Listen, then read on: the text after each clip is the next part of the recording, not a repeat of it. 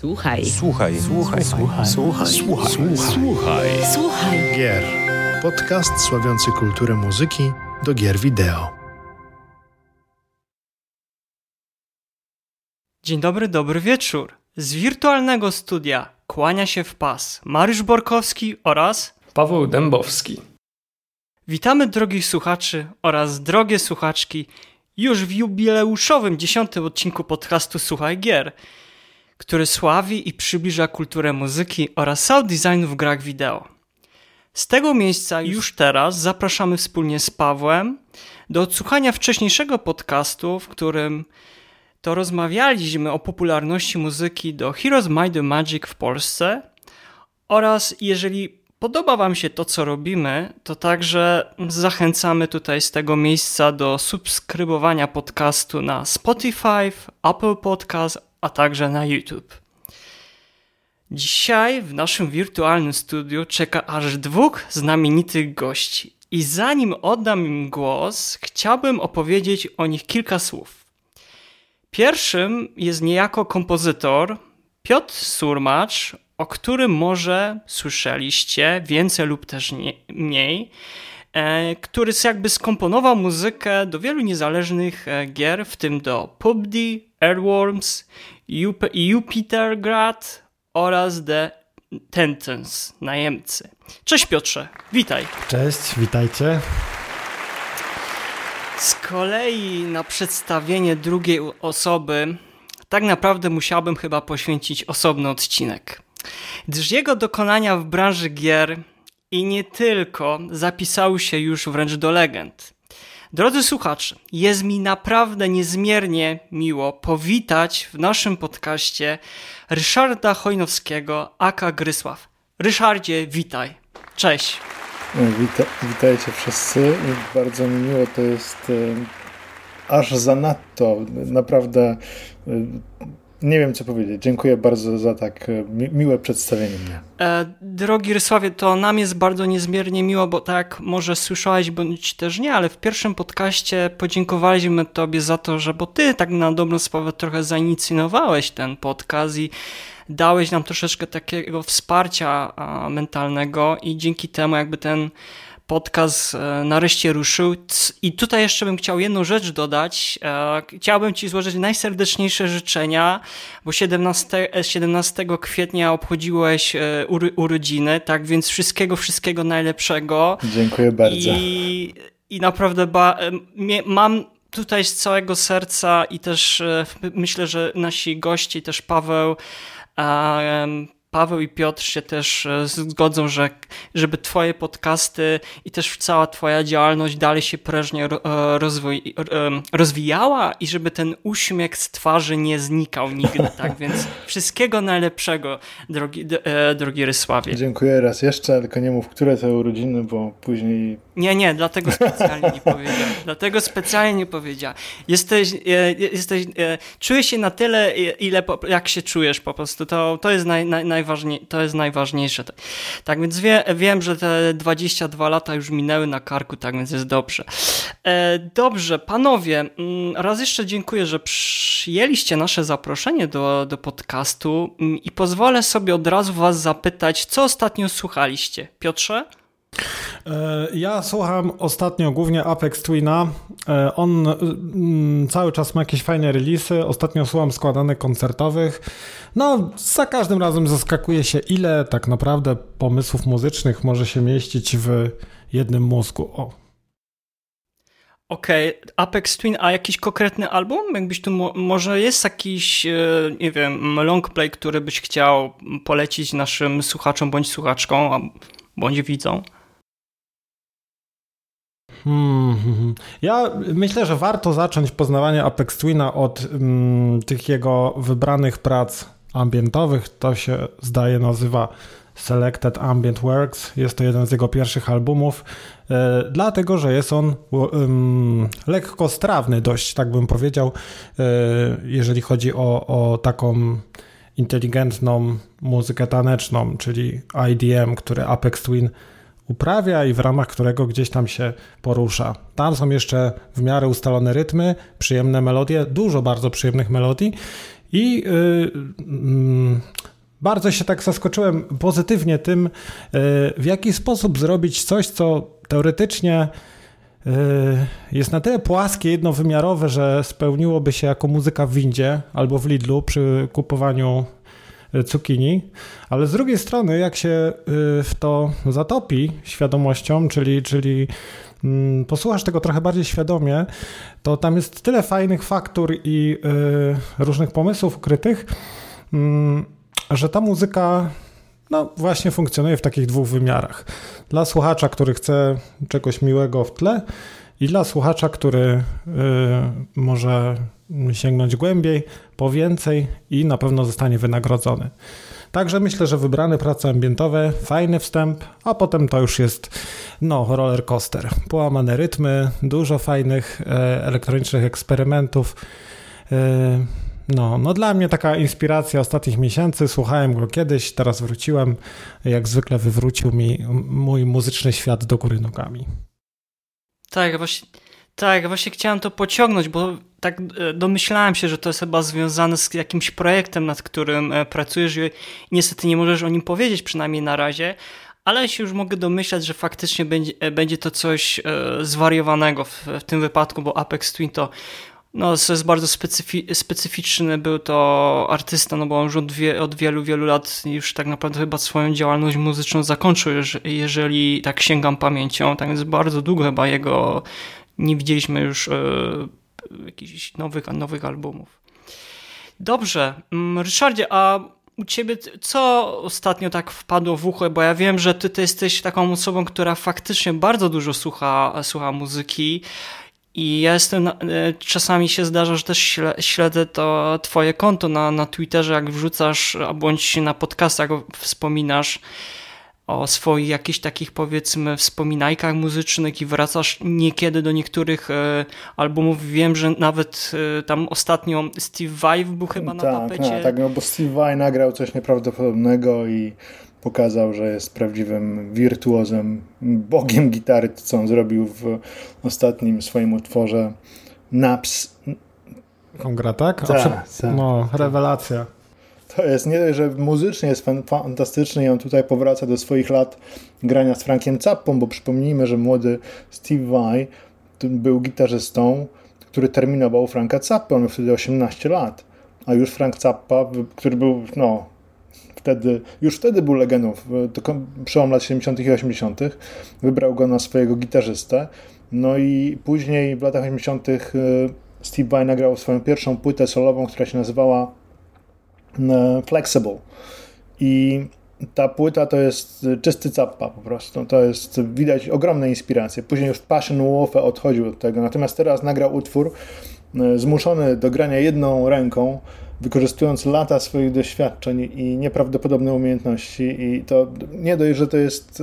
Ja, ja uwielbiam wirtuozerię po prostu. Uwielbiam wirtuozerię, bo widzę, że to jest coś dla normalnego śmiertelnika nieosiągalnego. Lubię, lubię nawet lubię takie popisywanie się czasami. Czasami takie popisywanie dla popisywania się, bo wiem, że to jest e, coś jak już powiedziałem, dla 99,999 i tak dalej ludzi niemożliwe, a ja bardzo doceniam perfekcję i wspomnianą wirtuozerię. I Steve Vai w tym utworze pokazuje no, coś niesamowitego. Natomiast y, ogólnie y, słucham y, ostatnio, znaczy ostatnio, cały czas słucham Ozric Tentacles, czyli, czyli mistrzów psychodelii i space rocka i muzyki mm, takiej, no powiedzmy, która może wywoływać podejrzenia zażywania różnych środków psychotropowych.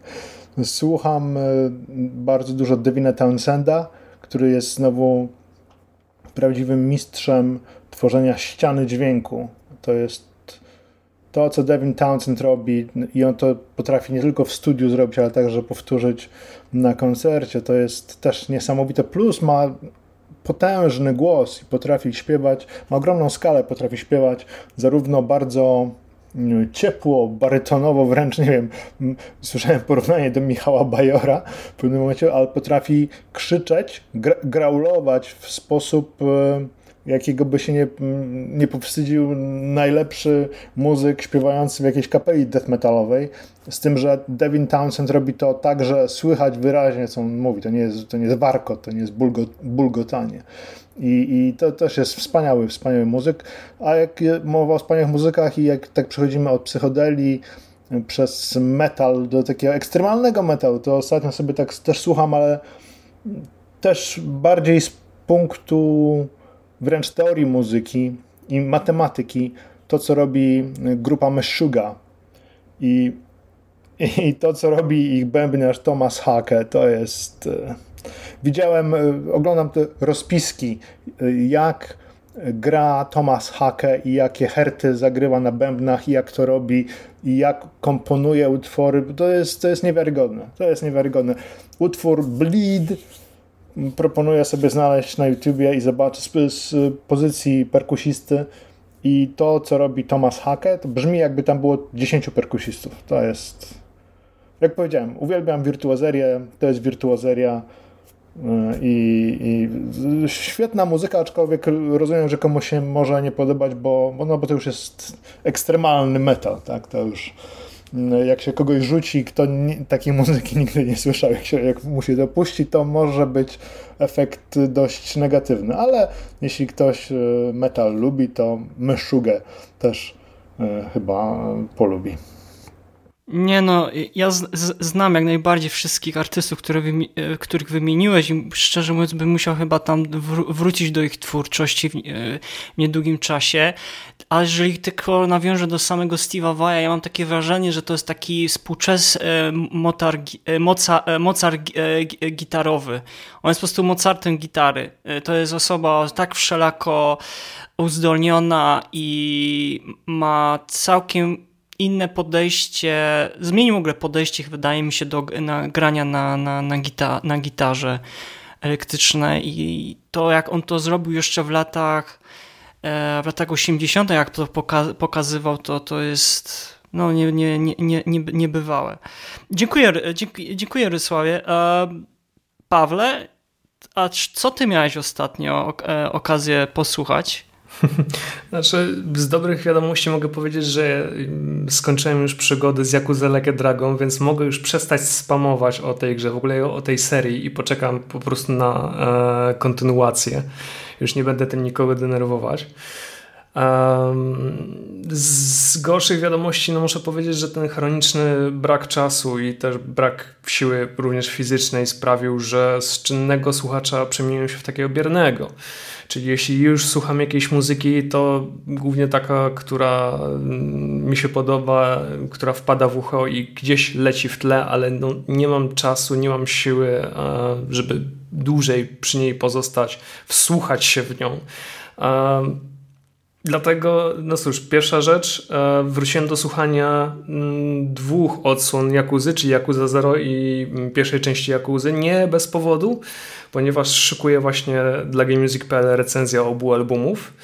Mm, a druga taka rzecz, z racji tego, że skończyłem Yakuza Like a Dragon, to szukałem kolejnej gry, którą mógłbym przejść w spokoju i wybór padł na Xenoblade Chronicles czyli z muzyką m.in. Yasunori Mitsudy i Hiryoku Sawano i całej ekipy.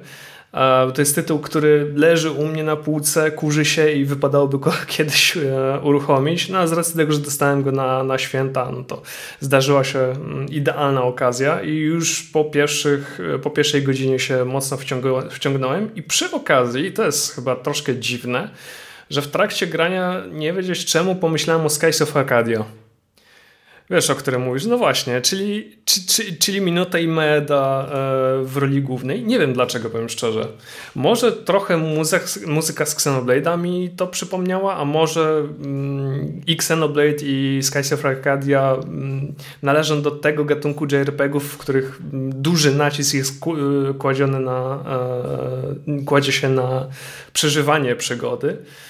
Na walkę. Mm, no tak, dokładnie, walka na przeżywanie przygody i no cóż, pewnie kiedyś do Skies of Arcadia usiądę i może nawet zrobię, z, e, zrobię streaming z przechodzenia tej gry, ale nadal czekam oczywiście na kontynuację, o której słyszę już od ładnych kilku lat. No i zobaczymy. Może wydadzą oryginał e, w odświeżonej wersji na Switcha, ale to też takie pod jednym wielkim znakiem zapytania. No to zadebiutował na Dreamcastie, prawda? Później, tak, na Dream, tak. później była wersja najpierw na GameCube'a. Najpierw, tak, mhm. najpierw I, był i Dreamcast, tyle. później był GameCube. I tyle, dokładnie, dokładnie. A później gdzieś tam przewijało się, um, przewijał się temat sequela. Ostatni raz, uh, już nie pamiętam kto, ale chyba reżyser um, tej gry wypowiedział się na początku 2020, że ponoć, że, że e, szykują się do stworzenia sequela, ale czy te prace w ogóle ruszyły, czy, e, czy po prostu dalej są w fazie planowania? Naprawdę trudno mi powiedzieć, naprawdę. Fantastycznie, by było, fantastycznie byłoby zagrać Skies of Arcadia nawet w odświeżonej wersji na Switcha, bo to jest idealna konsola do e, przywoływania starych gier, e, zwłaszcza JRPG-ów. No ale fajnie byłoby też zagrać w, w kontynuację. Nie mówię, że nie. Skies of Arcadia, jeśli mogę tylko się wtrącić, tylko to jest super gra na tamte czasy. Boję się, że e, gdyby teraz wyszła, to powinna wyjść z takimi ułatwieniami, które mają też nowe wersje Final Fantasy, czyli przyspieszenie poruszania się, możliwość wyłączania walk losowych, bo tak, tych, tak, walk tak, losowych tam było po prostu... postaci. Ja. Tak, mhm, tak to, to było gra obliczona na wydłużenie czasu poprzez zawalanie gracza ciągłymi walkami, ciągłymi walkami. Ciągłymi. I to dokładnie, było, dokładnie. To, chociaż ja, sama ja... była fajna, no ale to, te walki były upiorne. upiorne. Dlatego cały czas mnie denerwuje, że w każdym kolejnym JRPG-u nie stosuje się takiego systemu, jaki był na przykład w Earthbound.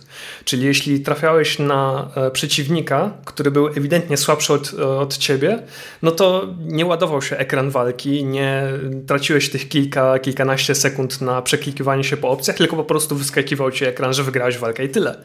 Coś takiego powinno być w, w, w JRPG-ach, no ale pff, cóż, dalej, dalej to siedzi tam, gdzie siedzi od wielu, wielu lat. No wiesz, chodzą pogłoski, żeby też e, rozpoczęły się jakieś prace. Nie wiem na jakim etapie są te prace, jeżeli chodzi o trzecią odsłonę. A widzę, że kiedyś musimy faktycznie sobie chyba nagrać taki podcast i to, to też chyba z, e, z udziałem Ryszarda, jeżeli chodzi o japońskie RPG i też pod kątem szczególnie muzyki. O, jestem jak najbardziej za. tak. A jeżeli chodzi o mnie, no to ja trochę tak nostalgicznie, to znaczy ja trochę wróciłem, to znaczy tak, do, na przykład wróciłem do 1998 roku, a dokładnie do albumu Ron Rocco, a, nagranego i też jakby skomponowanego przez Gustavo Santolaje, a czyli szerszej publiczności znany kompozytor dzięki muzyce do skomponowanej do obu odsłon The Last of Us.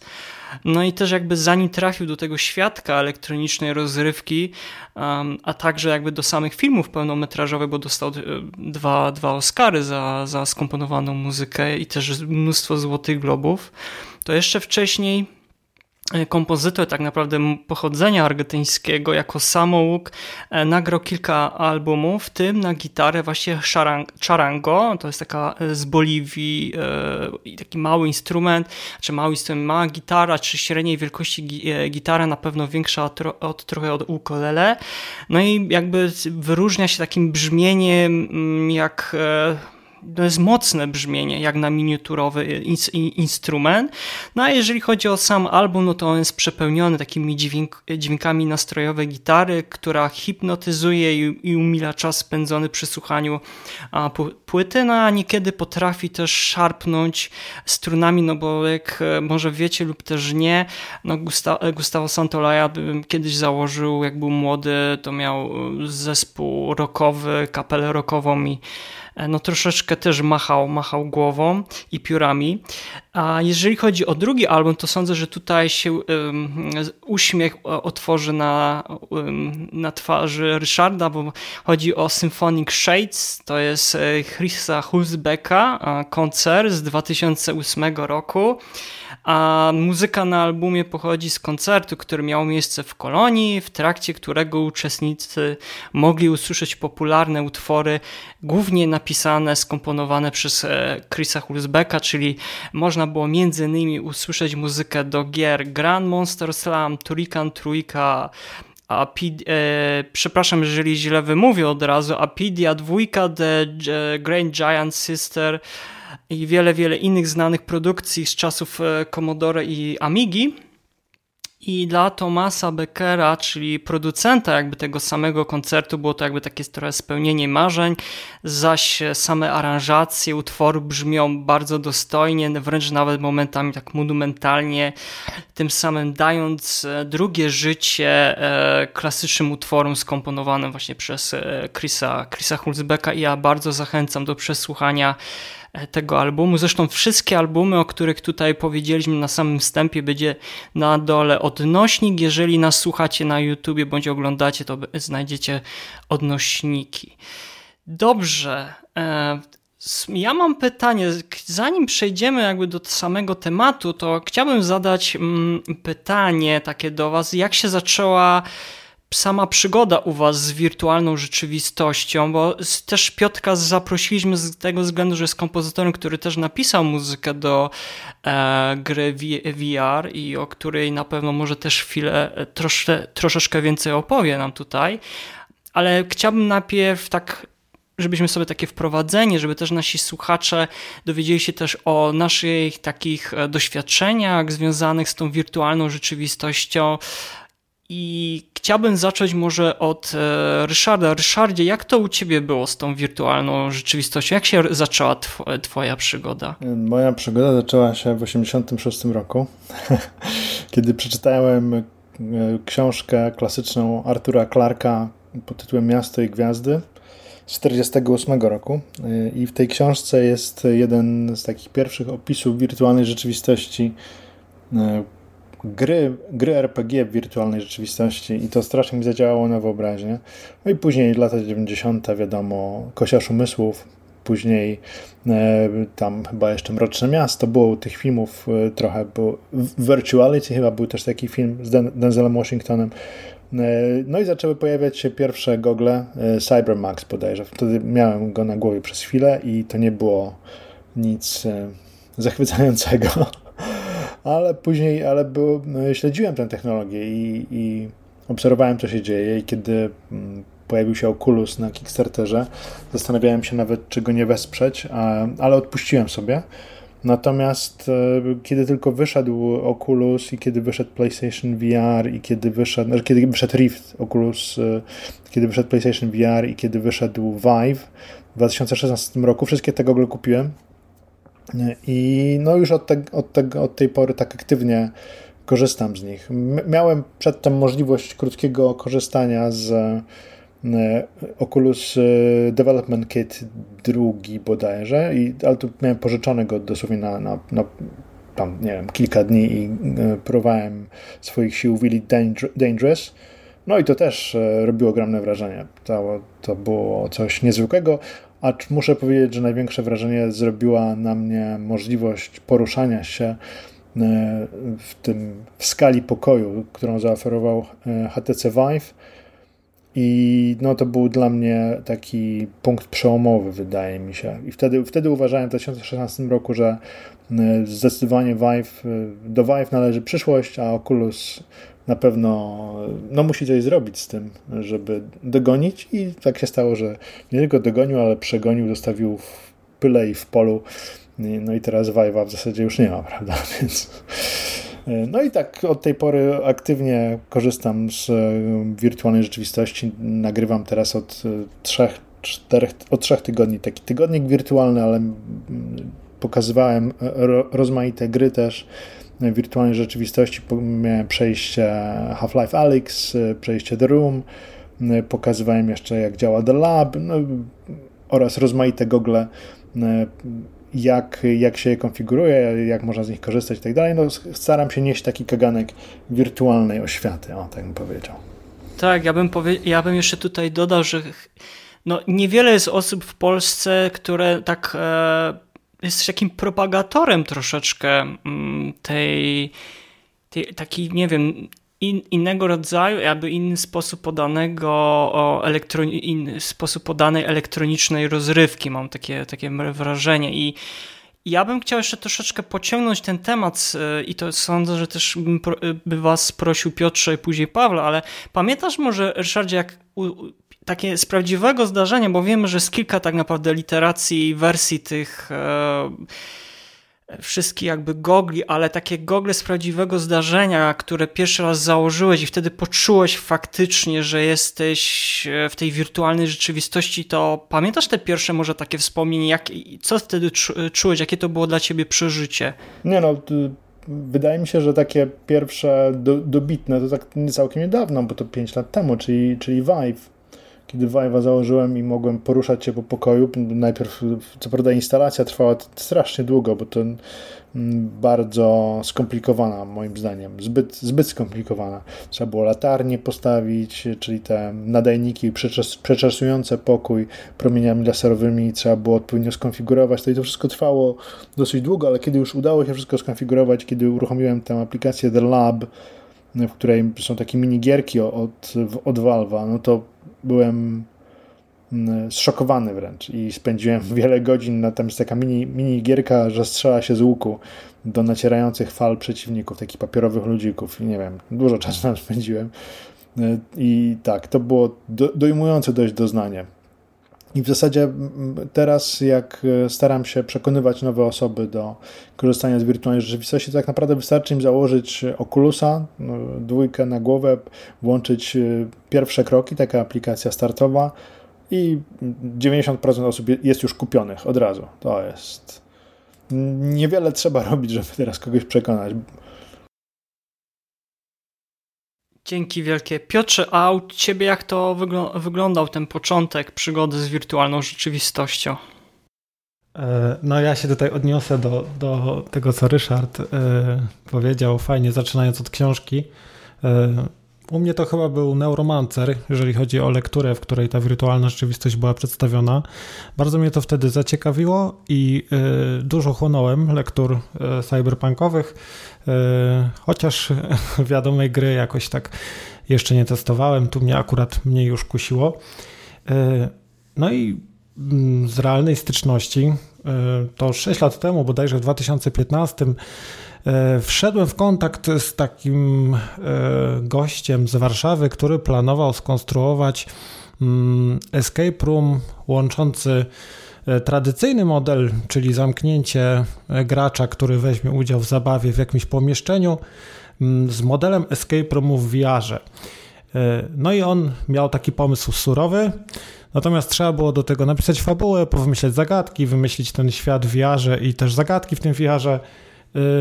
No ja to wszystko zrobiłem.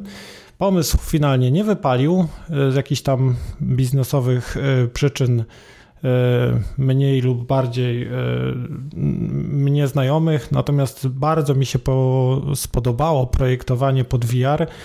Bardzo mi się spodobało poruszanie w VR.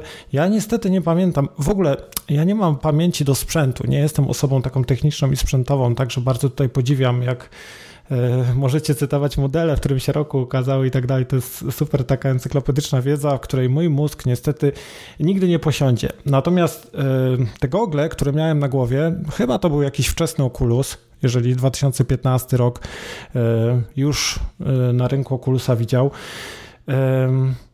I byłem trochę rozczarowany jakością grafiki, mm, natomiast no i tak, na tyle sugestywnie zadziałało to na błędnik, że y, był tam jakiś symulator y, marsjańskiego robota, była gigantyczna huśtawka w wesołym miasteczku.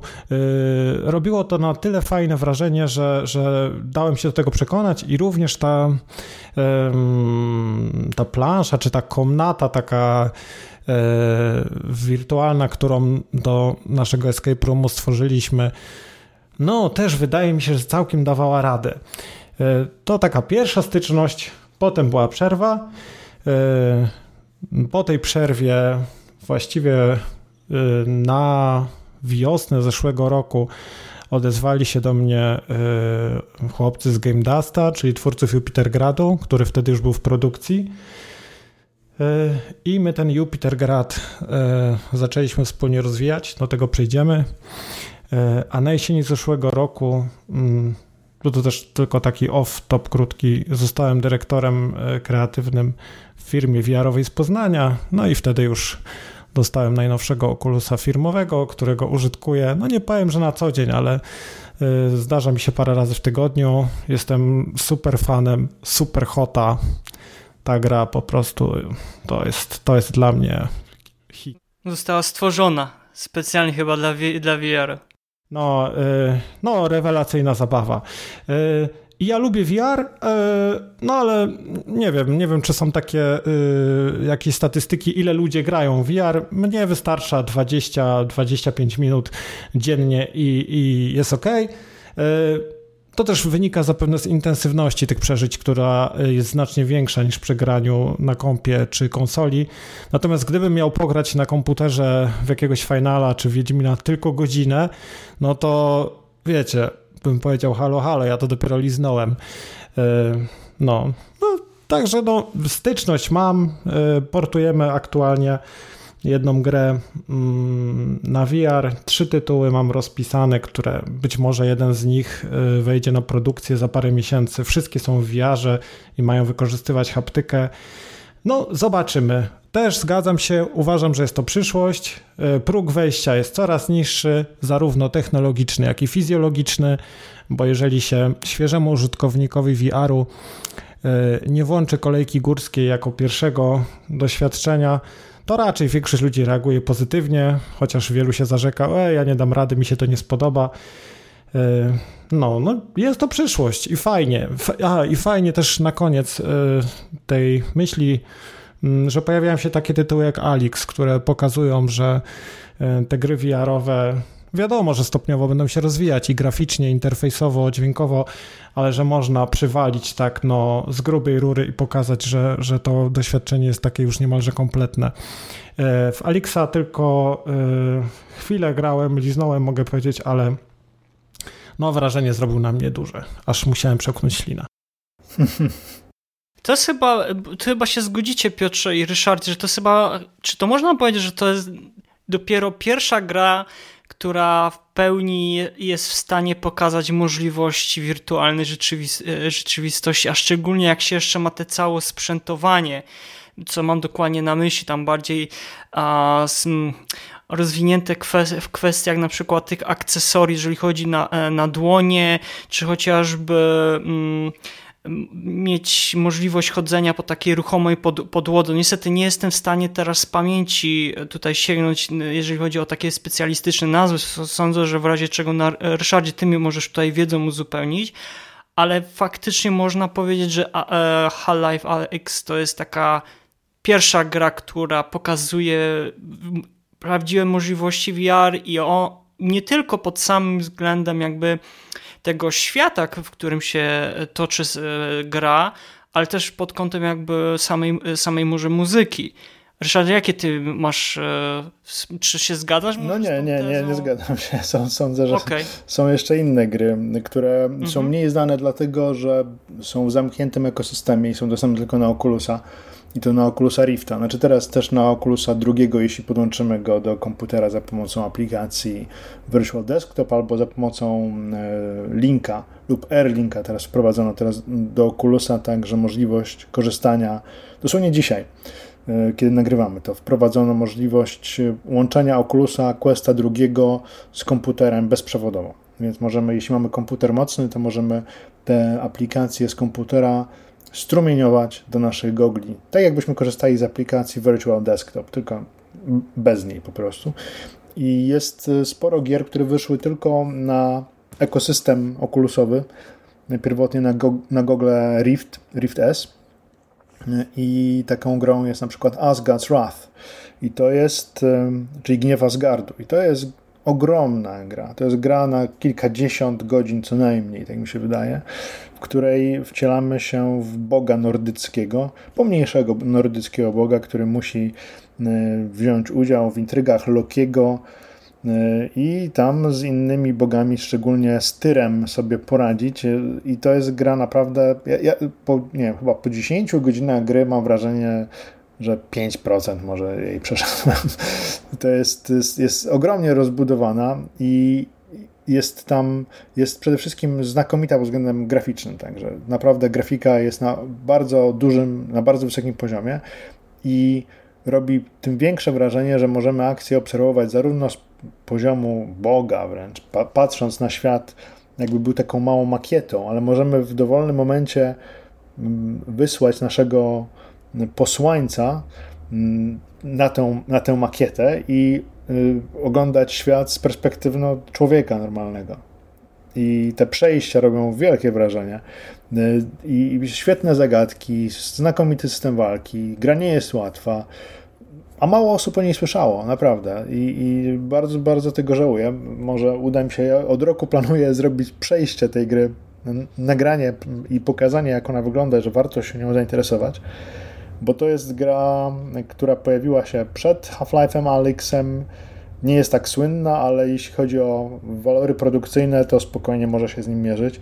Kolejną taką grą jest Lone Echo. To jest znowu gra też tylko dostępna na platformę okulusową, gdzie wcielamy się w rolę androida na stacji kosmicznej i no, jakość grafiki ponownie i jakość udźwiękowienia w ogóle to jest e, najwyższa półka. Znakomita także intryga, świetne zagadki. Mm, tutaj można też powiedzieć o Storm Clouds, kolejna gra, która jest dostępna też tylko e, w ekosystemie okulusowym. Też mm, zrobiona za ogromne wiadra pieniędzy, które tam pewnie Facebook zapłacił za to, żeby te gry przygotować.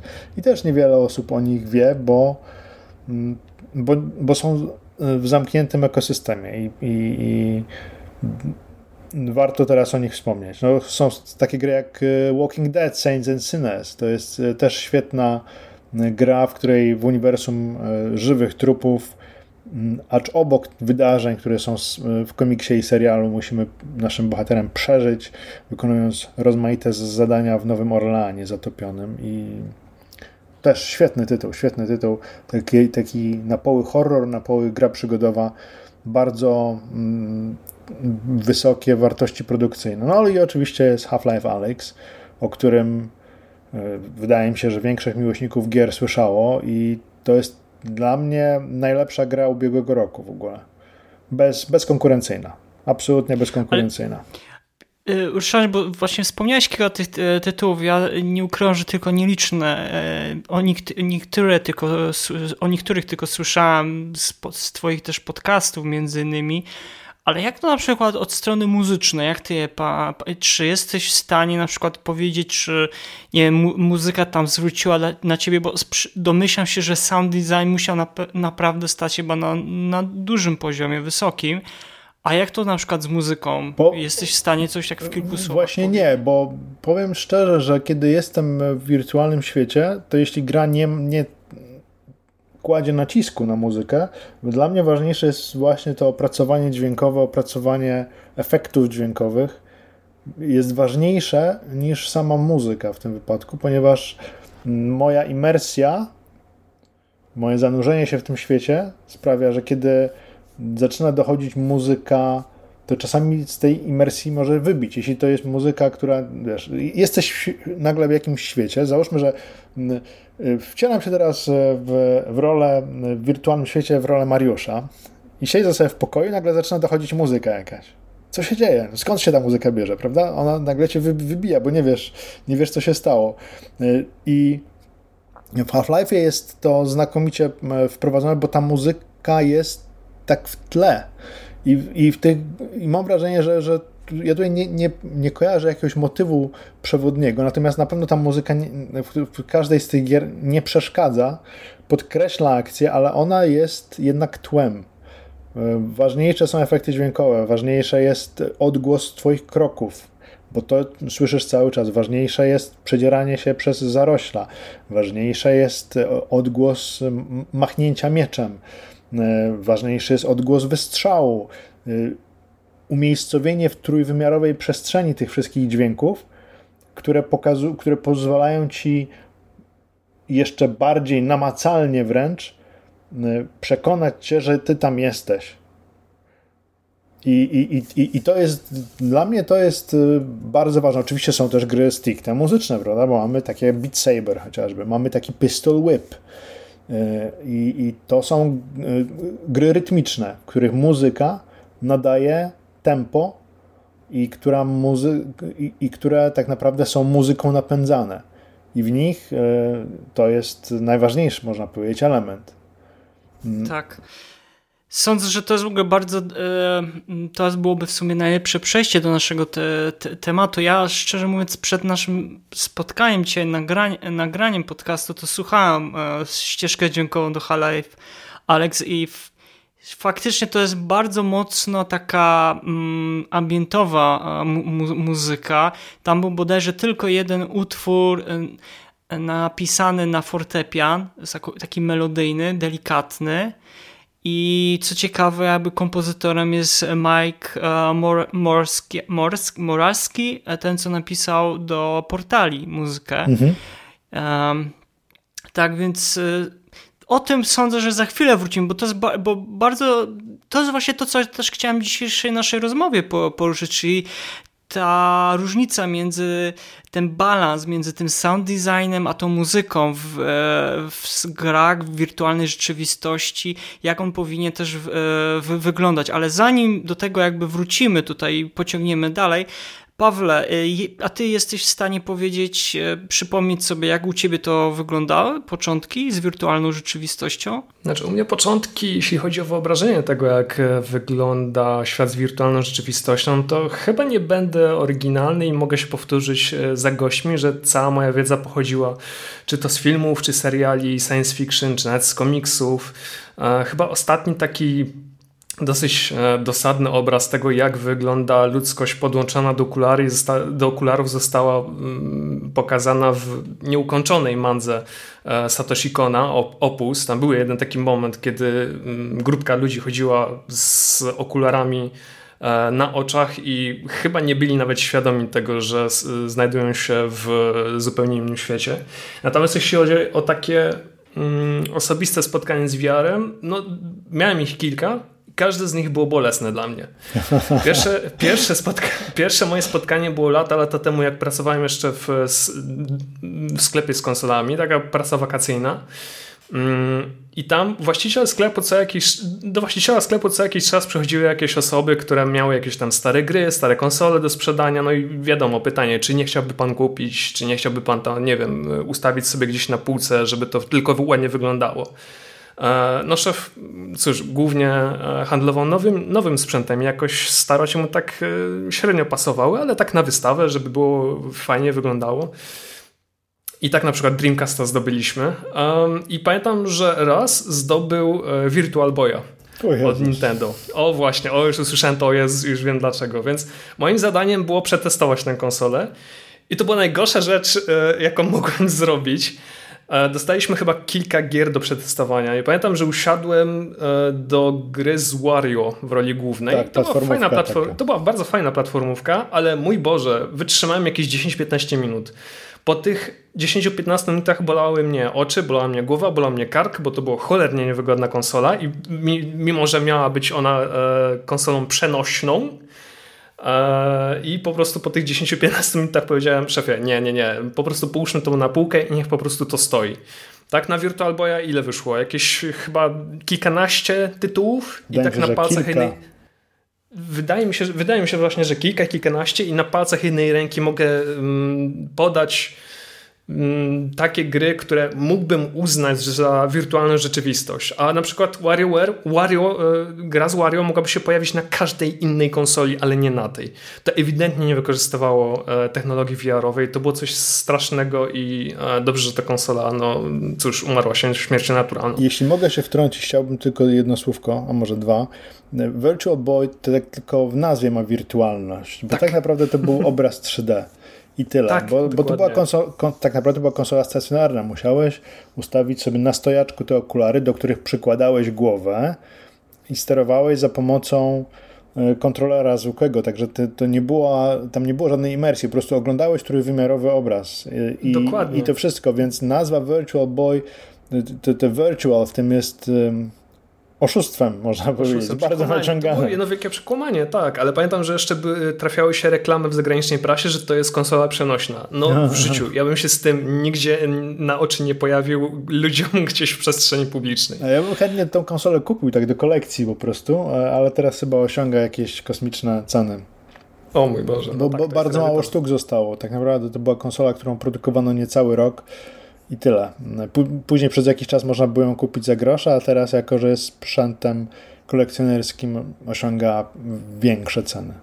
No, dokładnie. Więc takie, taka była moja pierwsza styczność. Druga styczność e, miała miejsce lata, lata później podczas Warsaw Games Week. E, zabicie mnie, nie pamiętam w którym to było roku, ale pamiętam, że mm, było takie osobne stoisko z grami, e, stworzonymi stricte pod VR i pamiętam, że była tam gra, w której było się orłem E, czy orłem, czy sokołem, nie ptakiem po prostu. I e, sterowało się e, orłem i walczyło się z innymi orłami. Jakoś nie, nie przypomnę sobie dokładnie gameplayu, ale pamiętam, że zrobiło to na mnie jakieś wrażenie i sobie powiedziałem, ok, daję tej technologii jakoś szansę. I w tej samej hali, w tym mm, w tym samym roku e, pojawiłem się w budce z Resident Evil 7, gdzie tam była gra również, również promowana jako tytuł pod VR i powiem to tak, e, założyłem okulary, zagrałem przez e, no, troszkę dłuższą chwilę i pamiętam, że jakoś zdjąłem i powiedziałem nie, nie, nie, nie chcę dalej w to grać. Nie dlatego, że ta gra była e, słaba, wręcz przeciwnie, to, była fantastycz, to był fantastyczny tytuł pod VR, i z wielką chęcią bym nawet zagrał może dłużej, ale mm, no cóż, ta gra była po prostu straszna jak dla mnie. Tak? Jeśli ja się po prostu pojawiłem w tym świecie Resident Evil 7 i autentycznie czułem to zagrożenie. I to jest to, co e, mm, Ryszard powiedział. To jest gra, w której muzyka gdzieś tam była, gdzieś latała w tle, ale ja jej autentycznie nie zauważyłem, przynajmniej za pierwszym razem. Najważniejsze były dźwięki, jakie wydobywały się e, pod moimi stopami na przykład. Czy to e, trzask gałęzi, czy to skrzypienie e, desek w domu i tak dalej, i tak dalej. To było tak naprawdę najważniejsze, jeśli chodzi o, o mm, tę grę, jeśli chodzi o VR. A to tak w skrócie. No i moje trzecie mój trzeci romans z wiarem to było przy okazji mm, premiery takiego serialu, nie wiem czy pamiętacie, taki serial Pakt. Ja pamiętam, że poszedłem na mm, pokaz e, przedpremierowy, prasowy i mieli taką, taką malutką e, minigrę, jeśli tak to mogę nazwać, że było się dziennikarzem w redakcji i trzeba było pochodzić po pokoju i poszukać wszystkich no nie wiem, potrzebnych przedmiotów, kluczy i tak dalej. Taki trochę escape room w wersji bardzo, bardzo mini. Mm, okulary, które dostałem, to był tak naprawdę e, smartfon, najnowszy wtedy smartfon, jaki był, i oczywiście podpięty pod e, kartonik, który przypominał okulary. E, fajna zabawaczka, ale jakoś mną nie ruszyło. I pamiętam, że E, człowiek, który pilnował tego stoiska, powiedział, że przeszedłem tę grę najszybciej ze wszystkich, którzy e, do niego podeszli. No, no cóż, miał facet do czynienia po prostu z graczem, a tam przychodzili e, dziennikarze, którzy z grami nie mieli nic wspólnego. Natomiast jeśli chodzi o samą technologię VR, powiem to tak, to jest to, co Ryszard powiedział. To są może jakieś gry, które e, idealnie się nadają pod VR. Elix jest tego, myślę, doskonałym przykładem. Wspomniałem przeze mnie Resident Evil 7, ale mimo wszystko jest to technologia, która mnie osobiście nie przekonała. Mnie osobiście nie przekonała. To jest to też, co również Piotr powiedział, że można zagrać w niektóre gry raz na 20-25 minut dziennie i to w sumie tyle. E, na dłużej chyba nie dałbym rady. To jest jedna rzecz, a druga rzecz, jakoś myślę, że te bodźce, które mnie, za, które mnie atakują, kiedy zakładam i, i słuchawki, i te okulary, jeszcze mam jakieś kontrolery ze sobą, jest zde, te bodźce, bodźce są zdecydowanie za dużo. Jednak potrzebuję tej granicy między e, grą a rzeczywistością, czyli po prostu usiąść na kanapie, e, obejrzeć co mam na ekranie, mieć pad przed sobą i nie wiem, jeśli ktoś do mnie zadzwoni, albo moja narzeczona ma do mnie jakąś sprawę, chce się o coś zapytać, no to po prostu odwracam głowę, a nie, e, że trzeba mnie, wiadomo, poklepać po ramieniu i muszę wrócić do świata e, realnego, rzeczywistego. Mhm, mhm.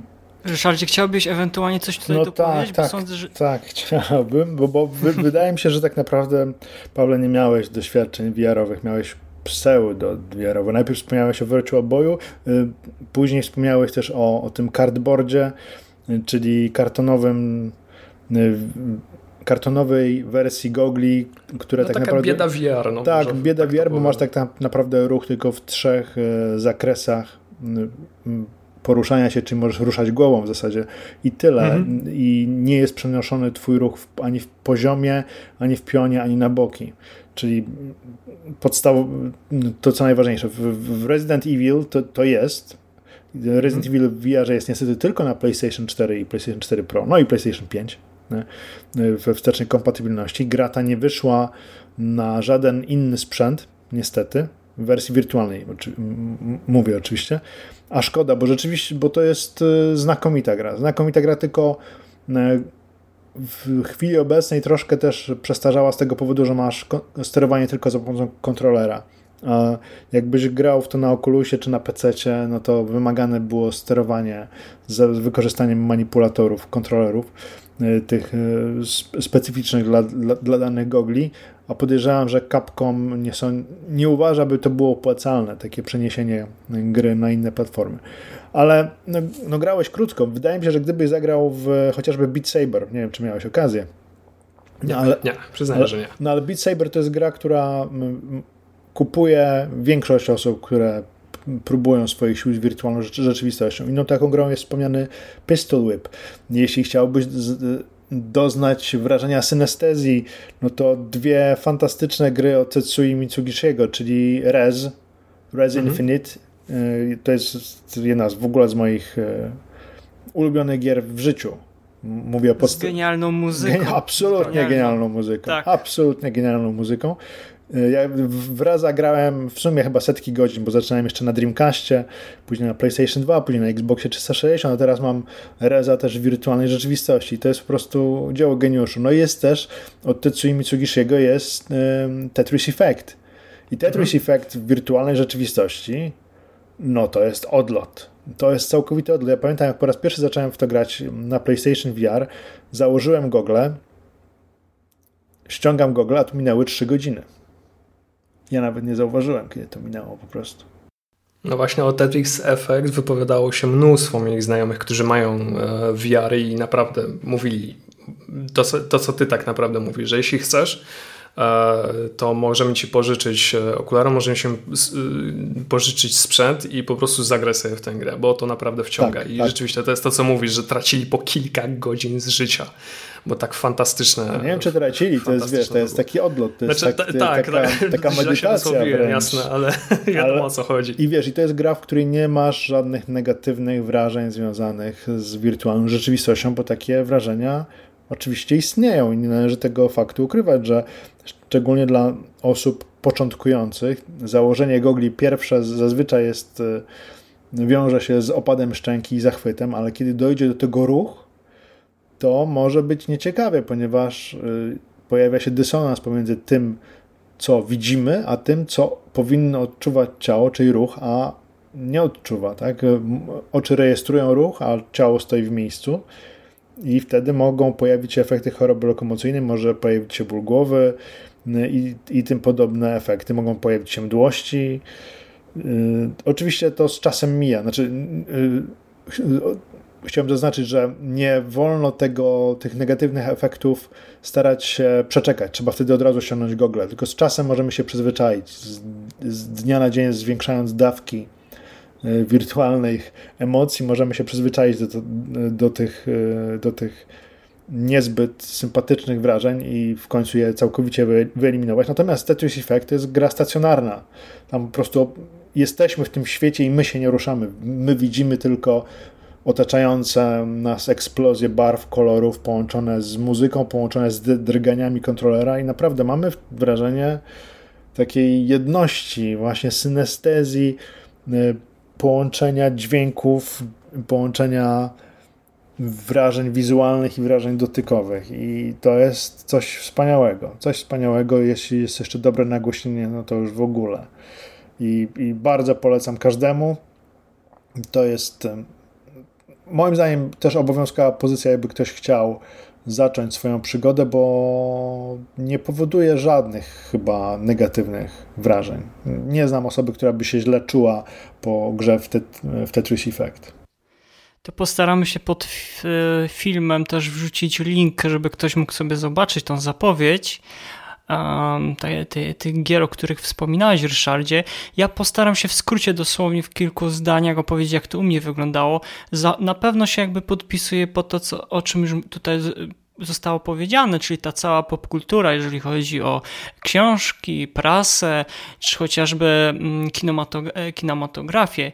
Ja na przykład y, tak sądzę, że, bo się zastanawiałem się też przed naszym dzisiejszym spotkaniem, jak to się u mnie zaczęło, jeżeli chodzi o samą taką powiedzmy y, świadomość tej wirtualnej rzeczywistości, to już te wspomniane filmy, które tutaj były, czyli Kosiarz e, Umysłu, mm, i jeszcze pamię pamiętam, mm, był, była taka japońska animacja Hack Sign i to był taki animacja japońska, serial i ona pokazywała e, troszeczkę, ty chyba, ty chyba Ryszardzie mówiłeś o tym jednym z niedawnych e, wywiadów, którego udzieliłeś, bo też trzeba też się zastanowić, jak ta wirtualna rzeczywistość będzie w przyszłości wyglądała, a jak teraz to jest, żeby ją troszeczkę rozróżnić. W każdym razie bohater, bohaterowie e, tego, tego serialu byli podpięci pod taką, hmm, pod okulary, które one były podpięte do głowy.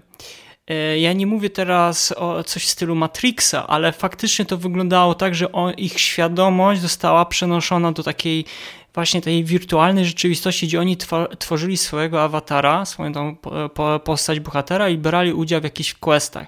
Jeżeli chcieli odejść e, z tego świata, no to musieli tam mm, chyba wyłączyć tą grę mm, albo manualnie, albo się ustawiało godziny.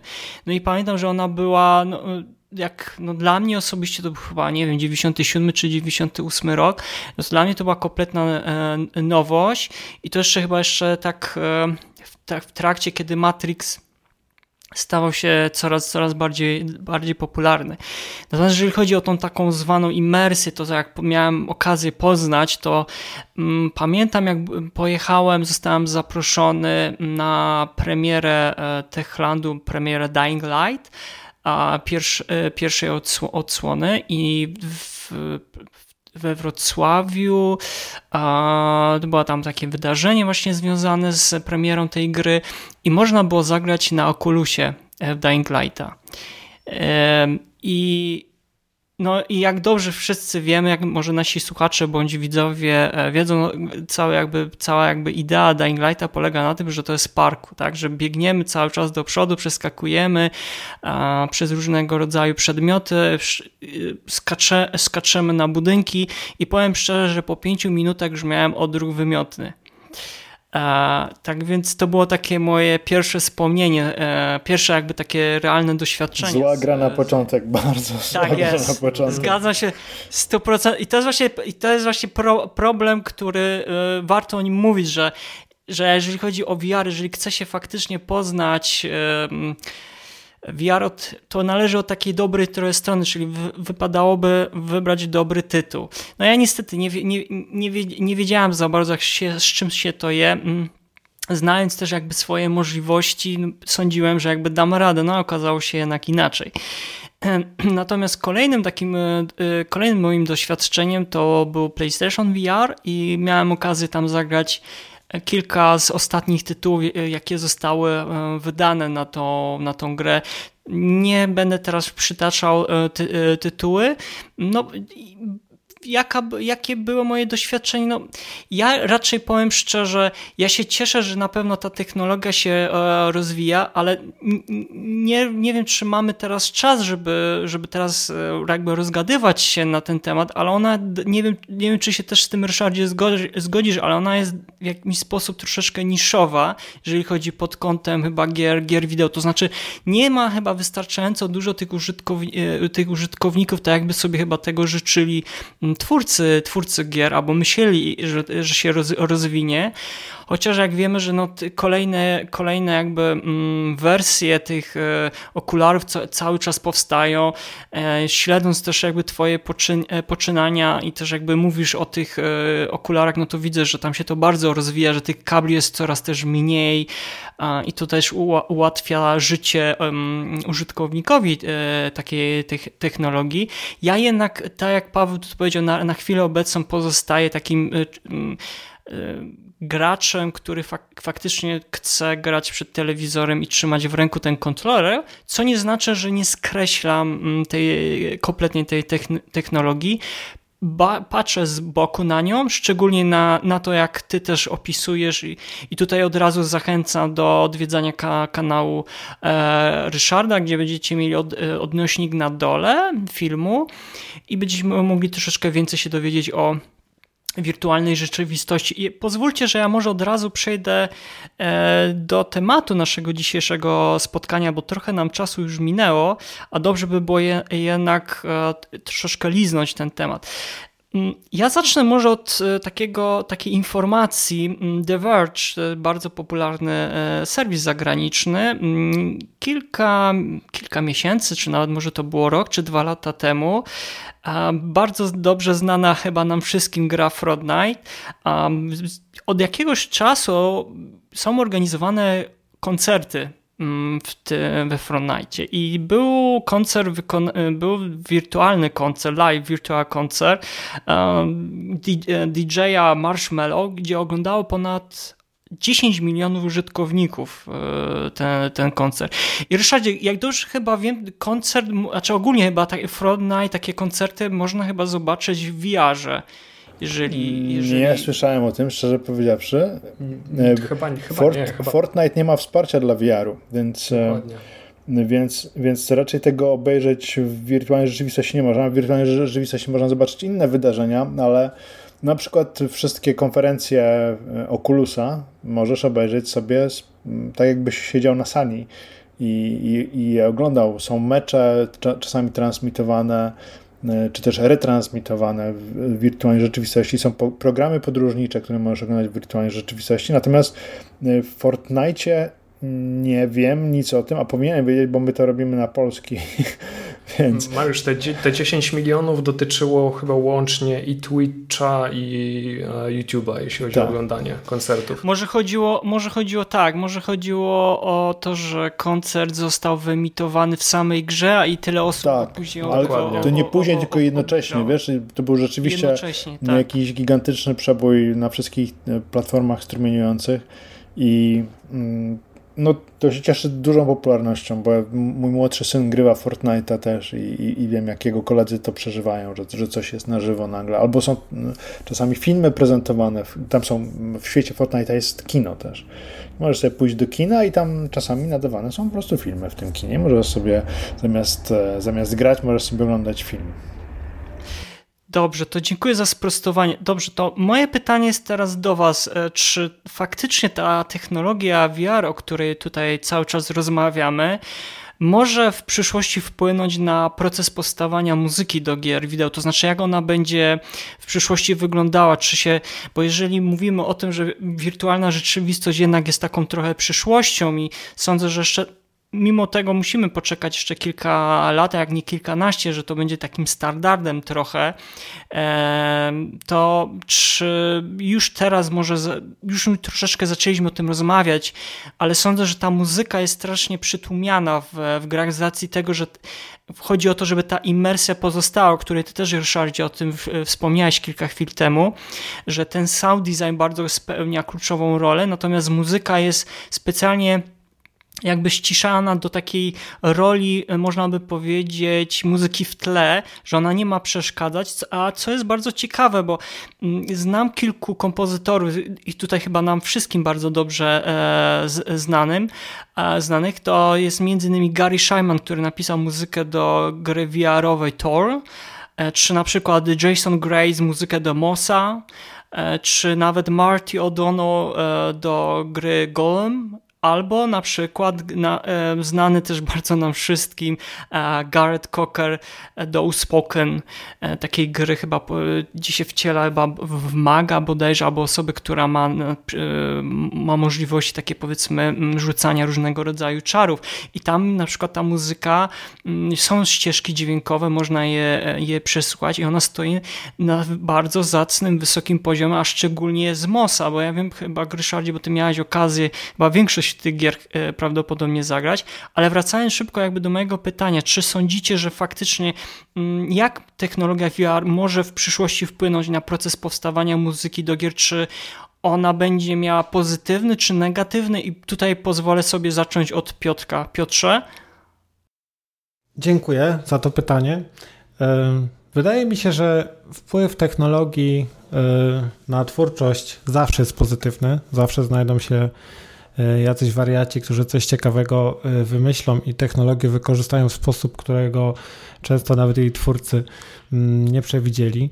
Natomiast czy będzie to rewolucja? Hmm.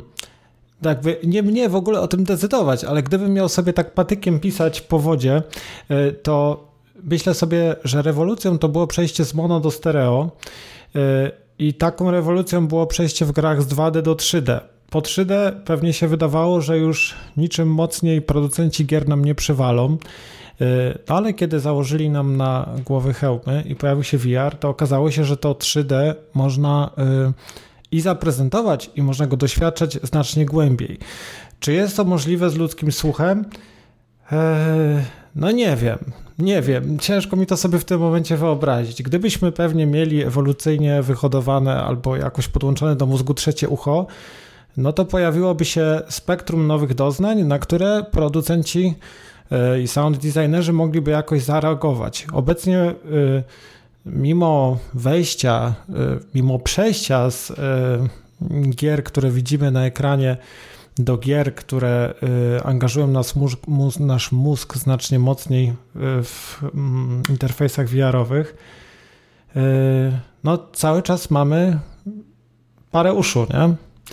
No więc jeżeli chodzi o, o samą produkcję tej muzyki, czy, czy jakieś takie możliwości tworzenia jej, które ten VR miałby rozszerzyć, ja na ten moment nie widzę, ale no, ja jestem skromnym kompozytorem, który obraca się w jakimś tam swoim, e, swoim poletku e, i też bardzo tych nowin technologicznych, takich VR-owych, odnośnie konkretnie dźwięku nie śledzę. Bardziej interesuje mnie haptyka, interesuje mnie na przykład kamizelki w rodzaju chyba wuchera albo wujera, takich wynalazków, w których można poczuć te wibracje emitowane przez grę całym ciałem.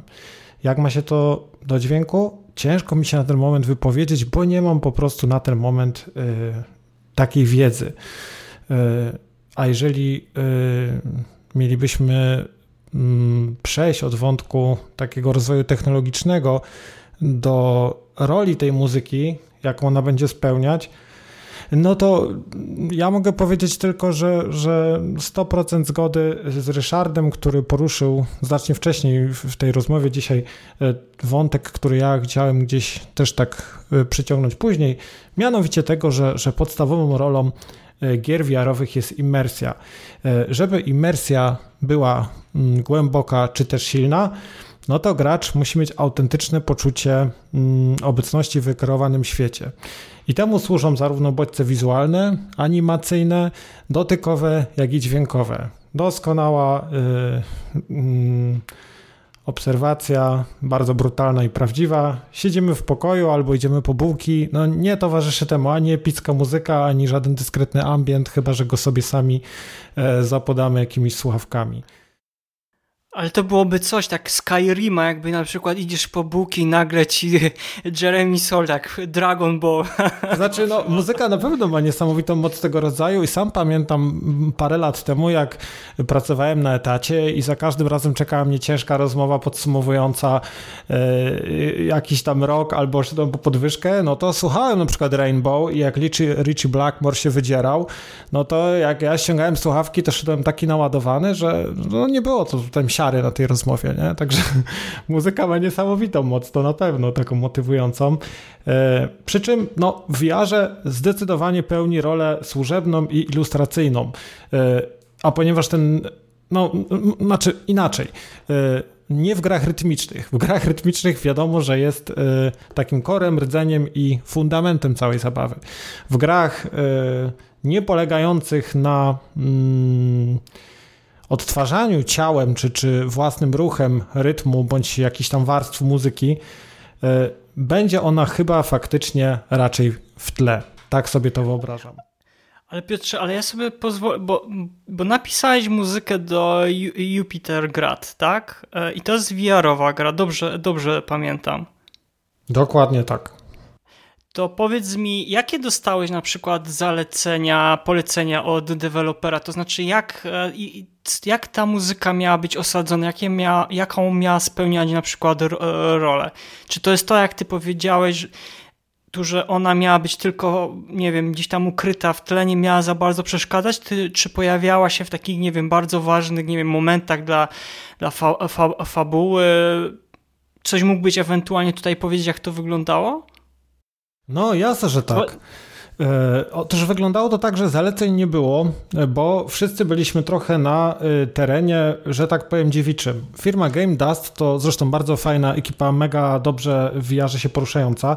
Kilka gier już wypuściła, ale nie rozmawialiśmy o warstwie audio e, w zakresie implementacji ani kompozycji na wczesnym etapie. Dostałem suchego builda, były tam tylko dźwięki. Założyłem sobie Rifta ESA wtedy na głowę i po prostu pofruwałem, zobaczyłem jak to tam wygląda, zacząłem myśleć, gdzie ta muzyka mogłaby się pojawiać, jak miałaby mniej więcej brzmieć.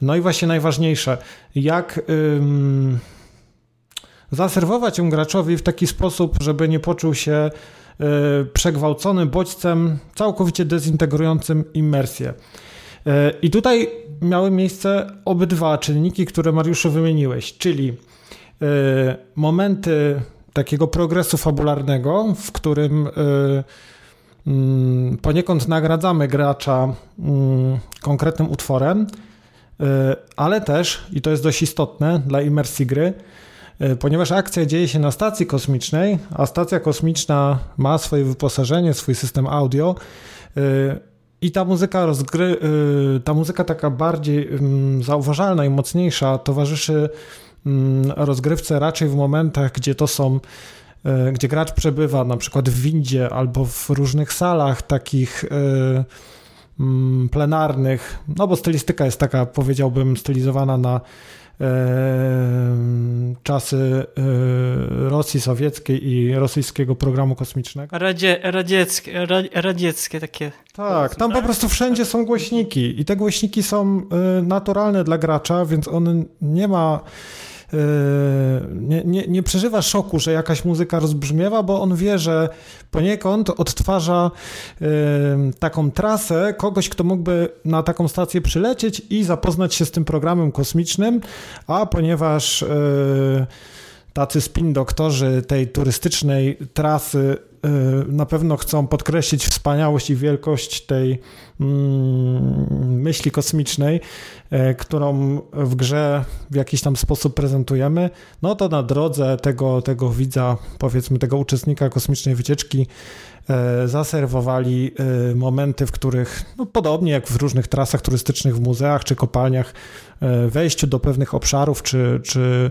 z realizacji pewnych celów towarzyszy, no nazwijmy to czasem nawet eksplozja takiej pompatycznej muzyki, która pompuje adrenalinę i gracz ma takie poczucie, yeah, o to chodziło, ja tu jestem. I, i to działa, nie? Aha, czyli Piotr, czyli prawda jest taka, że nie miałeś za bardzo miejsca dla, dla żeby coś kreatywnego napisać, tak? Bo w sumie chyba nie było, nie było takiej potrzeby. No nie, nie mogę się zgodzić z tym. Ja tam się, okay. zawsze, ja tam się zawsze staram przemyć coś kreatywnego i mnóstwo się rzeczy udało zrobić w taki tylko, sposób. Że, tylko, że wiesz, pytanie, ja, ja, tak, ja, ja nie osądzam, że na przykład tego nie zrobiłeś, tylko że widzisz, że nawet jeżeli coś napisałeś kreatywnego, to gracz później chyba nie jest w stanie tego chyba zauważyć, czy... No właśnie, to działa trochę inaczej. Yy, ja tak uważam. I teraz bym przeszedł do tej drugiej yy, warstwy, powiedzmy tworzenia muzyki która znowu, bo tu będę do tego wracał, dlatego że ta obserwacja Ryszarda, ja, ja ją w 100% podzielam. Mm, która znowu jest dla nas fundamentem projektowania tego doświadczenia serwowanego graczowi w VR-ze. Y, muzyka w VR może być, ona może być mocna, y, ona może być intensywna, może mieć fajny motyw przewodni i to wszystko może działać, ale ona nie może wejść brutalnie ona musi towarzyszyć rozwijanemu y, doświadczeniu najczęściej i najlepiej, żeby to się działo razem z jakąś rytmiczną aktywnością. I to z jednej strony y, oczywiście pewnie do głowy w większości przyjdzie Beat Saber, ale bardziej myślę tutaj o takiej sytuacji, w której chodząc y, przyspieszasz, musisz przebiec jakiś korytarz, albo musisz jak Tarzan przelecieć na linię z jednej platformy na drugą, bądź pokonać w ten sposób serię takich platform.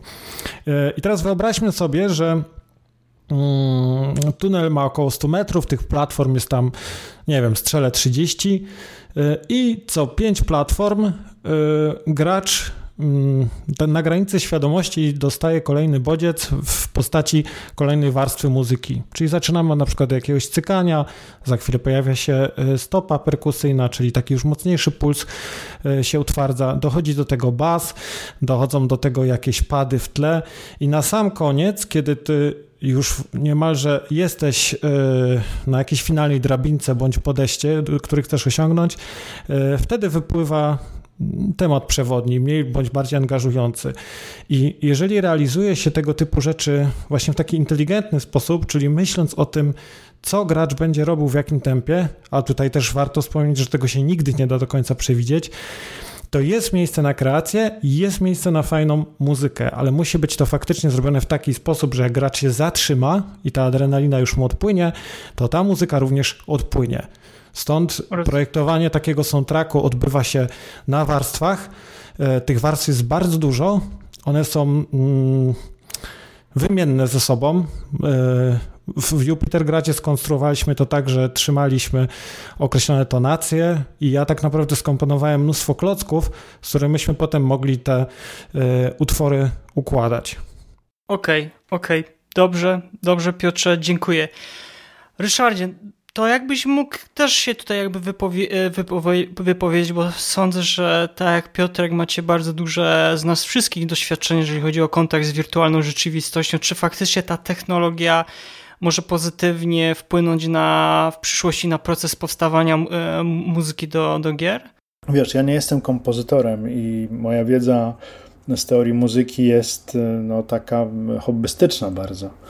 Nigdy nie napisałem żadnego utworu muzycznego i nie umiem grać na żadnym instrumencie, niestety, czego bardzo żałuję. E, więc ja mogę się wypowiedzieć z poziomu osoby, która zna jedynie samą technologię i lub wydaje jej się, że zna. Nie wiem, czy jest jakaś różnica tak naprawdę w komponowaniu muzyki pod wirtualną rzeczywistość. I oprócz tego, że rzeczywiście może być tak, jak już Piotr wspomniał, że jak, jak ja wcześniej zaznaczyłem, że wybieramy miejsca, w których ta muzyka może się mm, może, może dojść do, do gracza i te miejsca są naturalnie umieszczane w, w świecie, czy to dzięki na przykład głośnikom, czy to nie wiem, staramy się tak wpływać na percepcję gracza, żeby ta muzyka nie wybijała go z, z imersji, z zanurzenia się w tym świecie. Jest taka bardzo fajna gra na Oculusa, nazywa się In Death Unchained, zresztą polskiego studia, Super Bright. I to jest gra, w której pokonujemy kolejne plansze, strzelając z łuku. Plansze generowane są losowo. My z perspektywy pierwszego gracza y, chodzimy po takim gotyckim świecie, y, przypominającym po trosze Dark Souls i, i tam nie ma muzyki też. Tam muzyka jest tylko w momencie, kiedy przejdziemy do takiego sanktuarium i y, spada na nas łaska pańska i rozlegają się chóry anielskie, można tak powiedzieć, i wtedy ta muzyka jest zrozumiała całkowicie. Natomiast gdybym grał w coś, mm, nie wiem, w jakiegoś, jakiegoś RPGa y, typu, nie wiem, Final Fantasy, gdzie muzyka to towarzyszy nam praktycznie cały czas, prawda? Cały czas jest muzyka y, w grach. Y, w, japońskich RPGach. Nie wiem, jakbym odbierał taką grę wirtualnej rzeczywistości, gdybym obserwował ją z perspektywy pierwszej osoby, bo pamiętajmy, że w wirtualnej rzeczywistości niekoniecznie musimy obserwować coś z perspektywy pierwszej osoby. Jest taka gra jak MOS, wspomniana wcześniej, i tam muzyka cały czas jest, ale to jest bajka. My tam jesteśmy czytelnikiem bajki, twórcą tej baśni też, po, po trosze, bo jest, wcielam się w rolę takiego opiekuńczego ducha i tam mm, jest to muzyka stricte ilustracyjna. Bardzo ładna zresztą, natomiast nie jest, y, nie jest to coś, co nas wybija z, z całej opowieści. Czyli tutaj bym podzielił te gry w wirtualnej rzeczywistości na, na kilka podgatunków, bo mamy tak, mamy gry czysto muzyczne, czysto rytmiczne, w których muzyka jest y, podstawowym, niezbędnym składnikiem. Mamy gry w których y, wcielamy się w rolę jakiegoś bohatera i my nim jesteśmy. Jak Half-Life Alyx, jak Walking Dead, jak wspomniane In Death Unchained. I tam trzeba bardzo ostrożnie podejść, moim zdaniem oczywiście, do tego, jak ta muzyka jest podawana. No i mamy gry z perspektywy tak naprawdę trzeciej osoby w wirtualnym świecie, gdzie jesteśmy obserwatorem, takiej dioramy można powiedzieć, i tam muzyka może, może być cały czas, tak sądzę, w formie ilustracji dźwiękowej. Natomiast y, czy komponowanie jest y, trudniejsze, czy, czy, czy mniej trudne, to, to niestety nie jest pytanie dla mnie, bo dla mnie każde komponowanie jest trudne. Ja w ogóle podziwiam osoby, które są w stanie przełożyć na papier nutowy albo, albo na nagranie swoje, swoje myśli, odczucia bo czasami rozbrzmiewa mi jakaś melodia w głowie, ja ją sobie potrafię nawet zanucić, natomiast niestety dali Bóg nie potrafię jej w żaden inny sposób zarejestrować, nad czym bardzo boleję, bo chciałbym.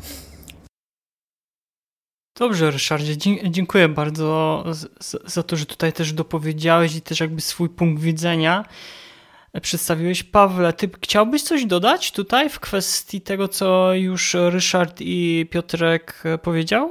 Znaczy powiem tak, jeśli biorąc pod uwagę ten kontekst historyczny, no to technologia zawsze miała jakiś e, udział w rozwoju muzyki. Tak? Przesiadka z 8-bitowych platform na 16-bitowe, z mono na stereo, z cartridge na CD-ki i tak dalej.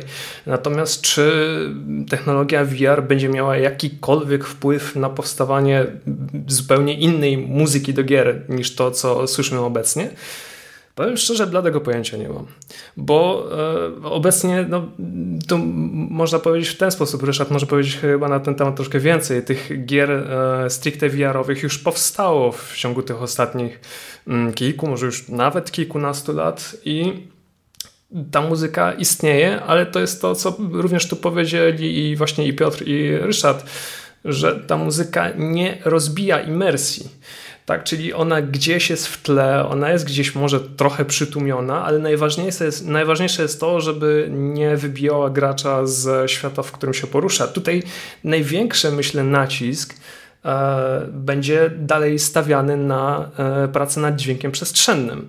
Bo tutaj, bo to wymaga e, takiego stałego myślenia o odbiorcy, tak? do jakiego świata e, on się przenosi, i w jaki sposób zareaguje na nowe otoczenie. I produkcja tego dźwięku przestrzennego, y, no, myślę, jest bardzo czasochłonna i nie tylko, bo w zależności od stopnia skomplikowania projektu wymaga też całego sztabu, całej armii tak naprawdę ludzi, mm, którzy będą opowiadali za ten proces na różnych jego etapach. Tak? Nad całością projektu będzie czuwał na przykład, tak, wymieniam, główny montażysta, e, armia sound designerów, specjaliści od e, miksu przestrzennego, programowania audio, nagrań terenowych i wielu, wielu, wielu innych. I myślę, że to będzie tak naprawdę najważniejsze, jeśli chodzi o gry VR-owe, tak? Żeby człowiek czuł, że on w tej grze się znajduje realnie. Czy ta muzyka, no, ta muzyka może rzeczywiście gdzieś lecieć w tle, może lecieć gdzieś e, w radiu na stoliku, czy w mm, w samochodzie i myślę, że na tym mogło to po poprzestać. Niemniej jednak e, z drugiej strony myślę, że może za jakiś czas trafimy na mm, takich kompozytorów, na takich twórców muzyki, którzy mm, będą znali tę technologię troszkę więcej i będą mogli się pochwalić e, swoją twórczością i, e, swoim talentem artystycznym. Ale mówię, może to kwestia czasu, może roku, dwóch, piętnastu. Naprawdę, to akurat jest, myślę, idealne pytanie, może niekoniecznie do mnie, niekoniecznie do ciebie, ale właśnie do takich osób jak właśnie Piotr, który z tą technologią no, już pracował. Ale z tego, co słyszałeś, no pff, nie miał chyba y, jakiejś dużej przestrzeni do, do, do e, eksperymentowania. Dobrze, to słuchajcie, ja podsumuję to, co już tutaj zostało powiedziane. Na tyle, ile mi się udało zasięgnąć i poczytać troszeczkę kilka e, serwisów na ten temat, czy nawet samych wypowiedzi kompozy kompozytorów, między innymi Garego Szamana. Ja pamiętam, jak był w 2000 to był chyba 13 rok, czy 2014 był chyba pierwszy raz podczas e, festiwalu muzyki filmowej w Krakowie pojawił się Gary Shyman i zagrano pierwszy taki koncert mały, kameralny koncert z muzyką do gier i tam jego muzyka z, Bioshock, z Bioshock, Bioshock Infinity, są z tych wszystkich trzech e, odsłon Bioshock została wykonana. E, tam na, na żywo, to pamiętam, że e, to był taki moment, kiedy on się wypowiadał, że mm, technologia VR będzie przyszłością, jeżeli chodzi o gry wideo i też jeżeli chodzi o mm, cały proces powstawania muzyki do e, mm, proces powstawania muzyki do gier wideo. I sądzę, że od tamtego momentu trochę się niewiele zmieniło, jeżeli chodzi o pisanie muzyki, bo cały czas tutaj, jak was słucham, to widzę, że jest stawiana kwestia, że ten sound design bardziej się rozwija niż jakby sama, sama, sama muzyka. Jak też widzę, e, widzę też e, list tutaj dyskografię niektórych bardziej, mniej, e, bardziej czy mniej bardziej znanych kompozytorów, to ona nie jest jakoś tam specjalnie, e, nie poszerza się, jeżeli chodzi o produkcje mm, VR-owe, bądź się nawet jakby tym nie, nie, nie chwalą. I też jak popatrzymy nawet na same nominacje na najlepsze ścieżki dźwiękowe, to nie, e, nawet, nawet Half-Life Alex nie był nominowany, jeżeli chodzi o najlepszą ścieżkę dźwiękową, na przykład do nagród BAFTY. I to jest troszeczkę zastanawiające i trochę się martwię, bo jeżeli myślimy, patrzymy w przyszłość, że faktycznie wirtualna rzeczywistość może gdzieś za 50 lat będzie taka, że no będzie już w każdym mm, mieszkaniu, jak to w książce Player Number One jest pokazane chociażby, to y, ta muzyka jakby zostanie na dalszy plan troszeczkę zepchnięta. E, dlatego ja mam nadzieję, że jakby te oba światy, czyli ta wirtualna rzeczywistość i też ten te konso e, świat konsolowy czy komputerowy, że będzie zawsze możliwość tego wyboru i też e, kompozytorzy będą mieli okazję pisać taką muzykę interaktywną do jak to teraz się chociażby dzieje. E, na sam koniec jeszcze takie ostatnie pytanie do Was, e, Piotrze, Ryszardzie i pa Pawle. Czy jak, ja bym chciał tu taką, może nie wiem, loterię albo taki zakład e, właśnie z, zrobić. Jakbyście mi po, mogli powiedzieć za ile lat, jeżeli to ma być za 100, za 200 lat, no to wiadomo, ale za naszego życia, jak myślicie, kiedy tak wirtualna rzeczywistość faktycznie stanie się taką normą, że każdego z nas będzie stać na, na takie okulary, które nie będziemy potrzebowali żadnego komputera, tylko zakładamy okulara, okulary i jesteśmy już w tej wirtualnej e, rzeczywistości. Jak myślicie, ile lat potrzebujemy, żeby E, jeżeli jeszcze za naszego życia mam tak, e, tak sądzę, czy to się e, wydarzy, czy też nie. I tutaj od razu pytanie do Ryszarda, jak byś miał ocenić? No, jeśli mamy spełnić ten pierwszy warunek, to już jesteśmy. Możemy kupić Oculusa Questa drugiego i nie potrzebujemy żadnych kabli, rozpakowujemy gogle, zakładamy na głowę i już, i wszystko. Nie potrzebujemy komputera, działa to wszystko z marszu, świetna jakość obrazu porządne produkcje i brakuje ewentualnie jeszcze dodatkowych wrażeń haptycznych i śledzenia całego ruchu. Sądzę, że w tym dziesięcioleciu mm, doczekamy się dodatkowych rozwiązań, bo widać, że najwięksi z tego z rynku technologii idą ostro w tym kierunku, bo mamy nie tylko Facebooka, czyli Oculusa, ale mamy Apple, które już za dwa miesiące prawdopodobnie powie nam więcej, a możliwe, że już za tydzień, znaczy w najbliższych kilku dniach, bo 20 bodajże 1 kwietnia jest prezentacja Apple'a nowa, więc możliwe, że wtedy powiedzą coś na temat swoich gogli, czy to wirtualnych, czy to rozszerzonej rzeczywistości. Są też inni gracze. Trochę boleję nad tym, że Microsoft tak się z tym troszkę e, na razie spóźnia, ale może z impetem wejdzie na rynek, kiedy ich, ich gogle HoloLens e, stanieją i staną się do, bardziej dostępne dla zwykłego śmiertelnika. Cały czas pojawiają się nowe rozwiązania, pojawiają się takie rozwiązania jak bieżnie, jak specjalne fotele i to będzie tanieć, mam wrażenie, y, bardzo duży wpływ na rozwój wirtualnej rzeczywistości ma też ta sytuacja, w której wszyscy jesteśmy teraz, czyli niestety ograniczenie więzi i możliwości zgromadzeń. To jest bardzo zła rzecz, tak, ale ona wpływa na powstawanie rozwiązań, które mają w to jak, jakiś sposób zasymulować. I dlatego sądzę, że będzie kładziony coraz większy nacisk na wirtualną rzeczywistość. Mm, to dziesięciolecie będzie zdecydowanie przełomowe. Przyszły rok wychodzi PlayStation VR 2 na PlayStation 5. Sądzę, że to już będzie technologia naprawdę mocno zaawansowana. Kolejne gogle w najbliższych latach już pracują przecież nad Oculusem trzecim. Konkurencja z HTC ma coś pokazać w maju. Chińczycy trzymają się mocno i robią swoje gogle Pico, więc e, jestem dobrej myśli, jeśli chodzi o rozwój technologii. No jak już powiedziałem, jeśli chcemy takie doświadczenie od ręki, no to zamawiamy sobie Oculusa na stronie oculus.com. Kosztuje to nas 1600 zł w przeliczeniu na, na, na, na polskie złote i, już. I więcej nie potrzebujemy. To, to, to, to, także już jesteśmy na poziomie takim, że w zasadzie e, wirtualna rzeczywistość jest dostępna dla większości e, ludzi w krajach, jak to się mówi, rozwiniętych. Mhm. Fantastycznie. E, Piotrze, jak sądzisz, czy podzielasz to, co już Ryszard tutaj powiedział? Czy chciałbyś coś do, tutaj jeszcze ewentualnie poszerzyć? E, tak, ja się zgadzam. Przed wypowiedzią Ryszarda może bym jeszcze, myślałem jeszcze nad odpowiedzią do pięciu lat, ale właściwie zgadzam się z Ryszardem. Jeżeli ktoś założy nawet Questa tego nowego i zrobi sam tutorial, to no mówmy się, dużo więcej nie potrzeba, a to i tak jest grafika bardzo bazowa, gdzie tam do, do, do jakichś aliksów. Jeżeli takich aliksów będzie za 5 do 10 lat więcej, ale chociaż nawet nie musi być, ludzie po prostu kupią y, rzeczywistość, w której y, są, nawet jeżeli ona jest umowna, w sensie spłaszczona, bez takich detali, no bo przecież ludzie znikali na miesiące w Simsach. No to teraz wyobraź sobie coś takiego, nawet bez fotorealistycznej grafiki na twojej twarzy. E, tak zresztą jak fajnie było pokazane w Black Mirror e, w którymś tam odcinku e, sprzężone z systemem lajków, czy jakiejś takiej mm -hmm, społecznej tak. oceny. I to właściwie za chwilę, już, za chwilę już będzie.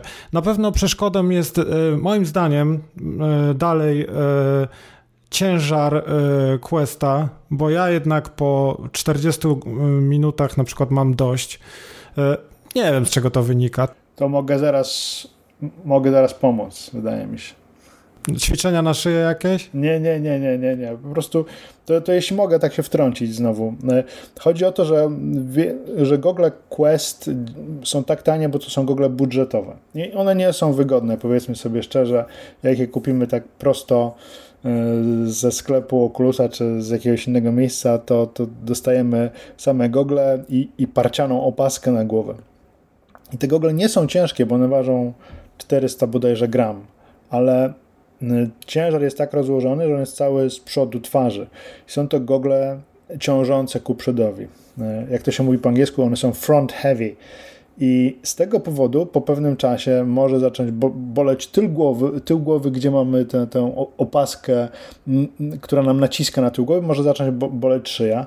I wystarczy przeciwwaga tak naprawdę. Wystarczy albo dokupić e, tak e, specjalną opaskę na wzór tej z PlayStation VR, a są takie sprzedawane na AliExpress, kosztują nie w okolicach 100 zł, albo można z tyłu gogli zainstalować sobie powerbank, który dodatkowo będzie dostarczał energii goglom, bo one przecież nie są podłączone do prądu, tylko mają swoją wewnętrzną baterię i wtedy mamy przeciwwagę.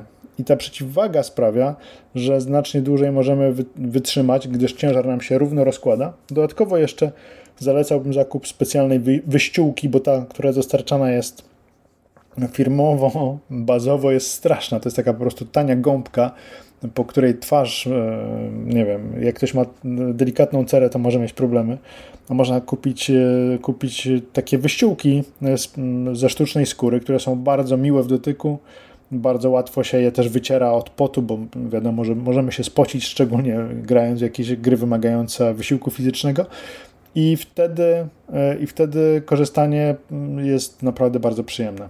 Więc takich kilka wskazówek. O. Już. No to super. To ja Ci dziękuję, a to jest też, Mariusz, pewnie odpowiedź na Twoje pytanie, e, jakby w dalszym rzucie. No te rzeczy są już dostępne, nie? Sam, e, sam e, fakt, że rynek gadżetów dookoła VR-owych jest tak rozwinięty, że ludzie sami wymyślają rozwiązania mające na przykład dociążyć interfejs, żeby nie był, żeby był po prostu wygodniejszy, no pokazuje, mhm. że to, no wiesz, to się dzieje, nie? Okej. Okay. Dziękuję Piotrze, dziękuję Ryszardzie za e, tutaj dopowiedzenie. E, Pawle? Co, z jednej strony, z jednej strony s, s, boję się trochę przestrzelić jak twórcy e, trylogii Powrót do przyszłości, ale z drugiej strony powiem w zasadzie to, co powiedzieli również i Piotr i Ryszard. Ta technologia VR-owa już jest, już jest dostępna na wyciągnięcie ręki. Może i rzeczywiście ona jest nieco umowna i daleka od E, obrazów z mm, filmów sci-fi jak pamięć, pamięć absolutna, ale mimo wszystko ona jest. Tu prawidłowe pytanie powinno zabrzmieć takie, czy ta baza użytkowników będzie mm, ros tak, czy, czy ona będzie rosnąć, czy ona będzie mm, tak wystarczająca, żeby mówić, że to jest, e, że, że się zadomowiła już na, na stałe. Na tę chwilę, nie wiem, ja przynajmniej tego nie widzę na tę chwilę, ale chciałbym się, chciałbym się pomylić, bo widzę w tym sprzęcie duży potencjał, naprawdę mega potencjał i e, życzę tej technologii e, bardziej świetlaną przyszłość niż e, telewizory 3D. Mhm. Dobrze, e, to moi drodzy, ja, ja tylko na sam koniec powiem, że chciałbym, żebyśmy się niebawem zobaczyli na żywo, nie w wirtualnej rzeczywistości, tak żebyśmy mogli e, na żywo się spotkać i też porozmawiać, bo sądzę, że temat jest arcyciekawy i można byłoby faktycznie jeszcze kilka tutaj tematów po, poruszyć. A nasi goście, czyli Ryszard Hojnowski i Piotr Surmacz mają też dużą wiedzę nie tylko na temat VR-u, ale też e, o samej muzyce i o grach wideo i dlatego sądzę, że jeszcze kiedyś mam, mam nadzieję, że przy, e, mamy nadzieję z Pawłem, że przyjmiecie nasze zaproszenie i że będziemy mogli jeszcze e, nie jeden raz porozmawiać. Tak więc z tego miejsca bardzo serdecznie Ryszardzie dziękuję, że byłeś dzisiaj z nami. Dziękuję bardzo, z dziką rozkoszą pojawię się ponownie. dziękuję Piotrze, dziękuję wielkie, dziękuję bardzo za podzielenie się też swoją wiedzą, no i tutaj trzymamy kciuki za twoje przyszłe projekty, będziemy ich wyczekiwać i z miłą chęcią też przesłuchamy twoje najbliższe ścieżki dźwiękowe. Bardzo miło, dziękuję też za zaproszenie. Tak więc e, z tego miejsca serdecznie raz jeszcze dziękujemy Wam. E, możecie nas śledzić oczywiście na Spotify, na Apple Podcast, a także na YouTube. Z tej strony kłania się szerokim pasem Mariusz Borkowski oraz Paweł Dębowski. Słuchaj. Słuchaj. Słuchaj. Słuchaj. Słuchaj. Słuchaj. Słuchaj. Słuchaj. Gier. Podcast sławiący kulturę muzyki do gier wideo.